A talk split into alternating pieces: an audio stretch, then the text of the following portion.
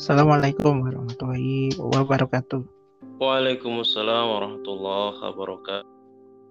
Alhamdulillah buat teman-teman Alhamdulillah kita bisa sapa-sapa, bisa ngobrol santai sama kita di forum Edukasi Sehat Network. Mudah-mudahan teman-teman dalam keadaan sehat dan harapan kita semua bisa selalu produktif ya. Gitu. Gimana Pak Ustadz rutinitas hari ini? Alhamdulillah sehat lancar. Harapannya sehat ya jasmani, rohani dan juga kantongnya juga sehat. Ya. Amin.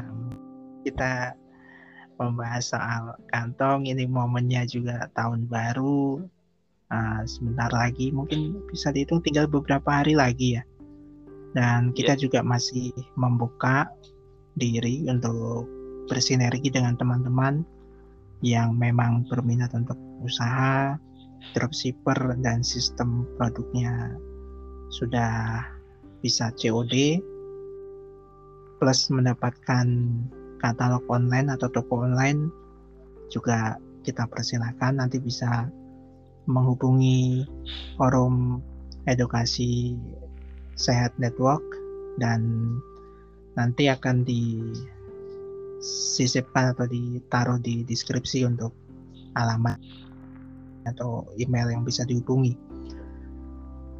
Uh, kita mau ngobrol santai tentang uh, strategi sederhana sebenarnya dan dinamika tentang kehidupan sehari-hari. Nah, jika kemarin kita sudah membahas kesehatan, kita juga apa namanya terbuka juga untuk teman yang ingin mendapatkan bimbingan baca Al-Quran dan konsultasi atau uh, beberapa jasa yang memang ada di forum edukasi sehat network nanti bisa dihubungi uh, dan alhamdulillah saya siang tadi mendapatkan japri atau DM dari beberapa teman yang minta uh, sudut pandangnya tentang atau hipnotis yang orang awam kenal dan sebenarnya itu apa dan bagaimana sudut pandang dari Ustadz Majid dan saya Abdul Hadi. Tentu sebelum ke sudut pandangnya, kita akan mendengar dulu dari Ustadz Majid seperti apa um, menurut beliau terkait tentang um, mental block atau ini kan ada hubungannya erat dengan mental block karena memang rata-rata orang yang mengalami seperti itu itu biasanya dalam kondisi kebingungan atau ujiannya sangat banyak. Nah, begitu. Silakan, Pak Ustaz. Oke, alhamdulillah malam hari ini kita dipertemukan di kondisi yang insya Allah uh, berkah dan tetap bersemangat ya walaupun di malam hari uh, saya teringat ya kalau kita membahas tentang tadi sebabnya di antaranya itu banyak ujian gitu. Kadang-kadang kita sebelum um, terkena hipnotis atau hipnotis ini kadang-kadang kita sudah dalam diri kita ya, dalam pikiran kita sudah wah kayaknya saya mendapatkan masalah yang besar atau cobaan yang berat gitu yang seakan-akan itu uh, orang lain itu tidak mengalami itu. Nah, kita merasa ujiannya itu berat sendiri gitu kan. Nah itu kan ibaratnya sudah ada magnetnya dulu gitu kan sebelum kita dihipnotis. Nah padahal Allah menyebutkan dalam Al-Quran A'udzubillahi minasyaitonirrajim la yukallifullahu nafsan illa wus'aha. Ya. jadi Allah tidak akan memberikan cobaan ujian yang hamba itu memang tidak mampu. Jadi kadarnya, ukurannya uh, dan semuanya terkait dengan itu itu Allah sudah tahu. Oh hambaku yang ini itu bisa melewati. Oh hambaku ini nanti setelah mendapatkan ujian ini dia akan levelnya akan naik derajatnya akan naik gitu kan. Nah makanya uh, selama manusia masih di dunia ini terutama untuk umat muslim itu uh, belum dikatakan uh, imannya benar-benar uh, terbukti kalau belum mendapatkan apa namanya ujian. Nah, kalau itu tentang ujian ya. Nah, kita masuk ke tema kita itu tentang hipnosis. Kalau zaman dulu mungkin masih uh, lebih lebih mudah dipahami itu sihir ya, ya sihir gitu. Tapi kalau kita sekarang mengatakan sihir itu kan kadang-kadang itu apa ya menurut kita itu sihir itu yang bisa merubah uh, sesuatu gitu kan mungkin kayak oh ada kodok nah disihir jadi ular gitu. Kan. atau apa mungkin uh, pasir gitu disihir bisa menjadi pizza gitu kan. Kayak sihir gitu itu namanya sihir gitu. Padahal dulu itu sihir ya berkembangnya tidak itu saja. Jadi termasuk uh, memengaruhi alam bawah sadar atau pikiran itu uh, mereka juga bisa gitu. Uh, mungkin kalau sekarang itu kayak apa namanya gendam gitu ya. Jadi kayak kita kayak di apa sentuh atau dia itu terus sekarang kan itu ya terus kayak blank kayak kita terus nggak inget gitu. Sampai dia minta jamnya atau uangnya lu dikasih semua gitu. Nanti tiba-tiba pada waktu orangnya sudah pergi duh kok barang-barang sudah hilang? Nah uh, mungkin bisa dikatakan sihir juga gitu. Tapi uh, kita mau apa namanya mencegah dari pencegahan ini nanti kita bisa terhindar dari seperti itu gitu. Nah, karena berkembangnya waktu jadi uh, ini tidak murni sihir sebetulnya. Jadi ada teknik-teknik yang mereka pelajari yang memang bisa uh, memengaruhi alam bawah sadar seseorang. Kalau dulu mungkin kan bantuan jin gitu ya yang lebih terkenal gitu ya. Tapi kalau sekarang itu uh, karena semakin maju ya tanpa uh, ada unsur itu bisa gitu kan. Tadi seperti yang dijelaskan di awal.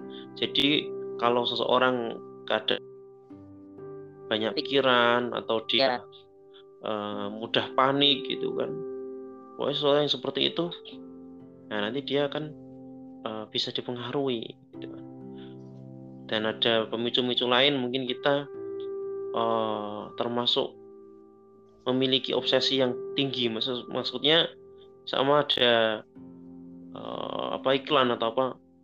Uh, Anda Mas bergabung di sini nanti akan mendapatkan uh, berapa ratus juta dengan eh terus dapatkan mobil dan lain-lain. Terus kita punya obsesi. Wah aku kalau rumahku sudah bisa menjadi bagus terus bisa mendapatkan apa namanya mobil dan lain-lain. Nah ini timbullah keinginan-keinginan yang kalau istilah Islam itu tamak ya. Kalau tamak itu ya mungkin mudahnya agak ya mendekati serakah lah kayak gitu. Nah, seperti seperti itu indikasi yang nanti sebetulnya akan menjerumuskan dan merugikan kita sendiri gitu. Nah, sampai-sampai logika kita atau kan kita nggak pakai lebih ke apa ya insting kita jadi nggak nggak peka gitu kan maksudnya masa ada gitu yang orang memberikan sesuatu yang luar biasa yang banyak dengan tiba-tiba dengan seseorang yang uh, belum dikenal itu itu juga ha. Cuma uh, kita berusaha memang sepertinya kalau kita mau pergi aktivitas itu kan memang termasuk kita dianjurkan untuk keadaan suci terus berdoa nah ini juga termasuk langkah awal ya untuk supaya kita nanti pada waktu di perjalanan ya dilindungi oleh Allah terus kita kalau uh, di jalan juga sering baca sholawat dan lain ini juga dalam rangka perlindungan dari hal-hal uh, seperti hipnotis itu. Nah, mungkin itu untuk uh, muka gitu. Iya iya, ini menarik ya sebenarnya. Teman saya ini uh, tadi yang DM dan ingin diberikan sudut pandang ini sebenarnya juga orang intelektual tinggi bisa dikatakan seperti itu, tapi masih bisa dan masih ada yang yang kejadian yang mengalami uh, apa semacam kerugian dari kekonyolan orang-orang. Nah, saya bilang nyebutnya konyol karena ini sebenarnya permainan pikiran. Modus yang biasa digunakan itu rata-rata adalah meras atau bisa dikatakan sok kenal gitu ya. Pura-pura kenal. Dan biasanya suruh bak nebak nama dan lain-lain. Biasanya contoh misalnya lewat telepon nanti terjadi komunikasi kita suruh menyebutkan nama misalnya kemudian nanti ujungnya adalah sistem atau terjadi proses transfer dan lain-lain sebenarnya terlepas dari itu saya akan menceritakan sedikit tentang dunia hipnosis versi saya ya yang memang sebenarnya saya nggak uh, masih belajar tentang mendalami tentang rumus atau strategi tentang hipnosis. Hipnosis itu sebenarnya seperti terapi. Jika orang mau menerima, dia akan mendapat dampak positif atau manfaat dari terapi. Itu yang harus dipahami. Jadi nggak ada ceritanya hipnosis itu orang langsung lupa, langsung tidur gitu ya. Nggak ingat itu nggak ada. Orang masih sadar sebenarnya, hanya karena banyak pikiran, terlalu takut atau terlalu merasa bisa dikatakan wah ini menghasilkan, ini potensial, ini kesempatan, dan lain-lain. Hanya logika saja yang digunakan tanpa menggunakan insting atau feeling atau semacam perasaan nurani yang cukup peka sehingga dampaknya adalah seperti itu kita malah terjebak dalam hal-hal yang merugikan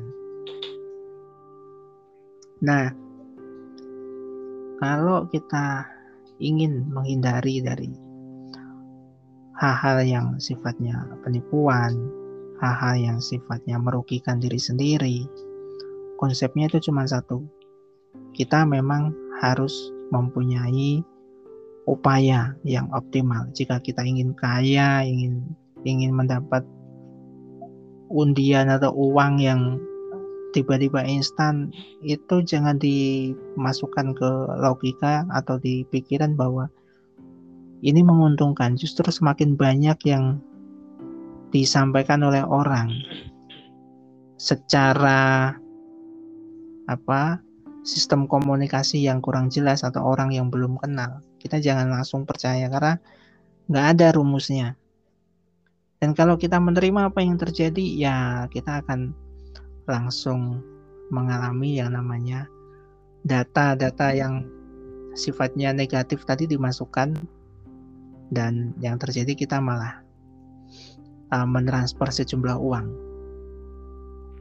Jadi konsepnya adalah satu, jika kita tarik kesimpulan dari segala sesuatu, janganlah berlebihan, jangan serakah itu.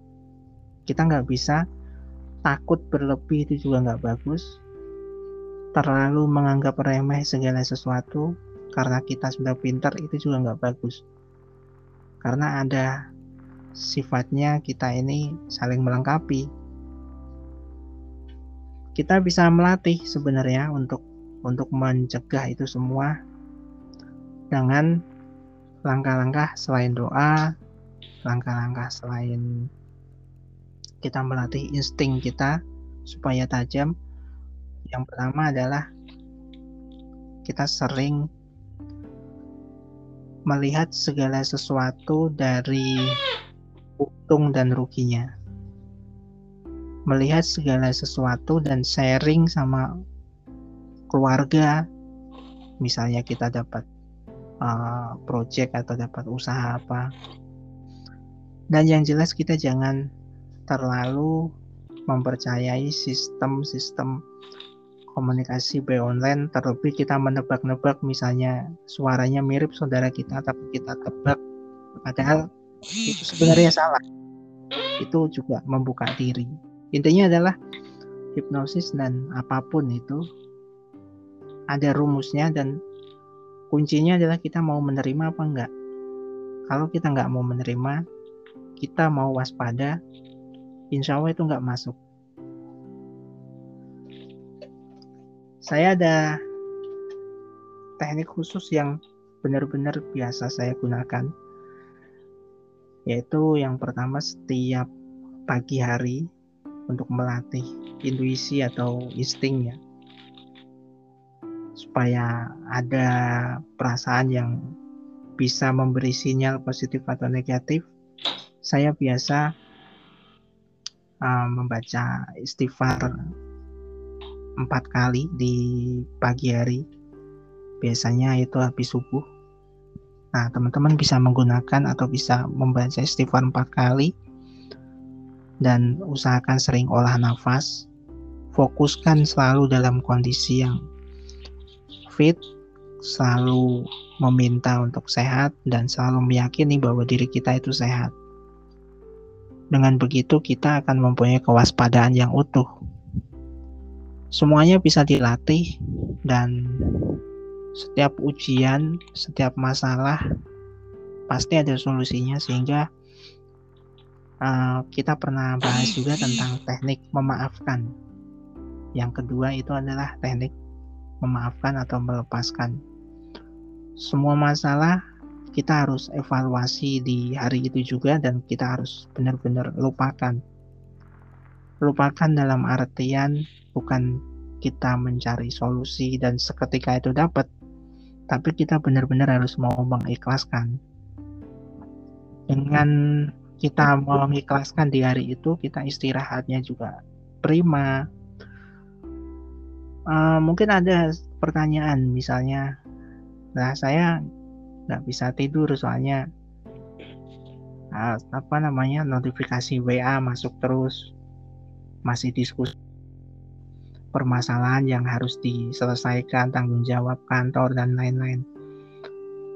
Sebenarnya itu tergantung diri kita. Kalau kita memang mau mencari solusi, mau mendapatkan hasil uh, jalan secepat-cepatnya untuk menyelesaikan itu, ya kita harus istirahat. Manusia itu punya waktu. Ada waktu prima, ada waktu untuk istirahat dan ada waktu untuk mencari ketenangan. Nah, kita bisa menggunakan teknik memaafkan, jauhkan semuanya seperti handphone dan lain-lain dari badan kita ketika kita mau istirahat. Kalau bisa dinonaktifkan, kita bisa bahas, kita mempunyai waktu untuk istirahat. Dengan begini, insya Allah karena kondisi kita yang sudah sehat, kondisi yang prima, kepekaan kita pun juga optimal, sehingga kita nggak mudah ya namanya tertipu dan lain-lain. Tentu ini hanya langkah sederhana, langkah awal. Kalau teman-teman bisa mengembangkan dan nanti kita juga bisa diskusi. Dan yang pasti semuanya memang ada prosesnya. Jangan berpikir ini langkah sederhana lalu nggak ada manfaatnya. Karena istighfar itu juga punya kekuatan khusus jika kita meyakini. Di antaranya adalah merilekkan pikiran kita memberikan kejernihan atau ketenangan. Begitu Pak Ustadz uh, tips ringan atau sudut pandang saya ter terkait tentang uh, penipuan dan tadi bahasa sihir dan lain-lain karena sebenarnya itu cukup dinamis dan kita nggak mau menerima ya nggak akan terjadi dan contohnya contoh realnya ya tadi misalnya kita suruh ditelepon orang dan kita suruh nebak namanya siapa. Kalau kita nggak mau ya nggak terjadi kan gitu. Begitu mungkin boleh digarisbawahi atau ada sudut pandang yang ingin disampaikan ke teman-teman. Sebetulnya contoh mudahnya untuk kita mengetahui maksudnya itu sebetulnya kalau kita tidak menerima ya juga tidak akan terjadi itu seperti sering ditonton mungkin ya di televisi atau di YouTube itu kan ada kayak channel yang untuk apa namanya menggambarkan pada waktu dihipnotis ya. Misalnya kan uh, pandang terus apa relax. Enggak sih Pak Ustadz. Beda sih beda. Oh, beda itu? Oh beda. itu berarti bukan kalau, ya? kalau itu kan memang sifatnya adalah proses. Dan itu memang uh, yang dinamakan hipnosis. Sedangkan oh yang yang positif berarti itu ya? Nah sedangkan hipnot hipnotis sebenarnya ini enggak hipnosis enggak hipnotis ini adalah hanya sebuah komunikasi pikiran yang mana kita ini uh, orang-orang uh, oknum itu menginput data kalau dalam dunia marketing biasanya begini. Hmm. Misalnya mereka uh, kita jualan menawarkan katakanlah sales sales kompor misalnya. Kita akan tanya kompornya biasanya kita minta izin lihat misalnya kompornya sudah rusak apa belum jika kita mengizinkan itu karena dia sales dan mempunyai kemampuan untuk memprogram atau untuk memasukkan data ke dalam pikiran targetnya, ya dia akan meminta izin dengan bahasa-bahasa yang sesuai dengan marketingnya. Sebenarnya seperti itu. Jadi konsepnya lebih lebih sederhana dan sederhana ini disepelekan oleh orang. Gitu ya, loh. Ya, ya. Jadi, Jadi beda ya dengan ya, yang tadi. Nah, yang tadi itu kan proses maksudnya memengaruhi tapi memang kita sudah awalnya sudah menyadari nih kita memang mau di uh, mau buat, masuk ke ranah hipnosis mau uh, mau mem, mau terapi biasanya kalau di orang-orang praktisi hipnosis atau NLP language program pikiran biasanya akan uh, dilakukan hal-hal yang sifatnya seperti itu ada terapinya. Nah itulah yang saya maksud. Ada rumusnya. Hipnosis itu seperti itu. Nggak nggak yang di jalanan. Kalau yang di jalanan yang itu itu sebenarnya uh, recehan lah. Hal-hal dan remeh dan sebenarnya kita menganggap itu uh, sepele sehingga kita terjebak. Maka manusia itu kan dituntut untuk waspada dituntut untuk hati-hati maka orang tua dulu kita sering berpesan suruh hati-hati kalau keluar rumah dan lain-lain sebenarnya ada maknanya supaya kita biar paham jangan ingin kaya kalau nggak ada upaya yang maksimal. Undian zaman sekarang sudah mustahil. Ya mungkin ada yang berhasil. Katakanlah misalnya nabung, akhirnya dapat mobil, dapat apa. Iya memang itu nabung dan itu berapa? Ratus juta. Kan gitu. Jadi yang jelas uh, kita uh, tidak membicarakan hipnosis secara dalam karena memang bukan bukan dunia kita tapi dalam rumus uh, komunikasi pikiran semuanya memang proses penerimaan. Kita mau menerima apa enggak? Nah begitu bang oke mungkin itu sudah jelas ya jadi intinya hmm. uh, kesiapan diri kita maksudnya kita kalau bepergian ya uh, keadaan memang fokus kalau daripada buat untuk apa memikir hal-hal yang sifatnya itu belum terjadi atau sifatnya hanya ketakutan semata ya memang lebih baik buat eh, baca Quran atau dikir itu, itu insya Allah selain kita terlindungi memang ya ini juga apa namanya kita sudah ada memancarkan energi positif. Ya itu. Jadi nanti orang-orang yang di sekitar kita yang awalnya negatif ya berarti ibarat magnetnya kan mental gitu kan. Makanya kayak di Mesir atau mana itu nggak asing ya. Kalau di bis sambil baca Quran atau apa itu kayak biasa gitu. Tapi di Indonesia mungkin ya mungkin ya beberapa lah tapi masih belum kelihatan apa namanya biasa atau kelihatan lumrah itu belum. Nah itu mungkin bisa diterapkan lah untuk ya itu di selain perlindungan kita memang uh, memancarkan energi positifnya itu. Jadi insya Allah yang di sekitar kita nanti ya yang mendekat ya yang baik-baik uh, seperti itu ya. Iya memang dibutuhkan kondisi prima jika kita mau keluar rumah. Terus kita juga dalam kondisi yang fokus jika kita menerima telepon. Kita juga harus jangan selalu menyepelekan hal-hal yang sifatnya sepele karena yang sepele ini bisa menjadi masalah juga dan ini akan mengganggu juga. Saya pernah punya cerita orang uh, sudah tahu sebenarnya itu kalau penipuan lewat messenger gitu dan dilayani sampai pada akhirnya akunnya itu terletas diambil alih oleh orang yang menipu ini. Hanya gara-gara kita uh, orang tersebut atau teman saya itu mengeklik link. Jadi ini kan sangat sepele hanya gara-gara ngeklik link dan linknya memang sudah disetting sedemikian rupa oleh hacker atau oleh penipu dan akhirnya terjebak juga. Jadi kalau bisa jangan sekali-kali kita melayani orang iseng, penipuan. Uh, yang jelas kita mendingan fokus dalam perbaikan komunikasi pikiran, kita memperbaiki uh, kolbu kita dengan langkah-langkah sederhana, ya baca fatihah bangun tidur dan sebelum tidur kita baca istighfar uh, lebih sering. Jika lebih detail lagi sering-sering olah pernafasan.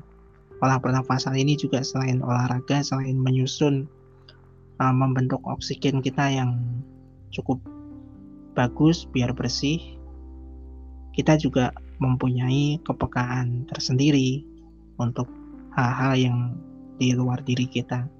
Jangan lupa memaafkan setiap masalah, setiap orang yang membuat kurang nyamannya kita.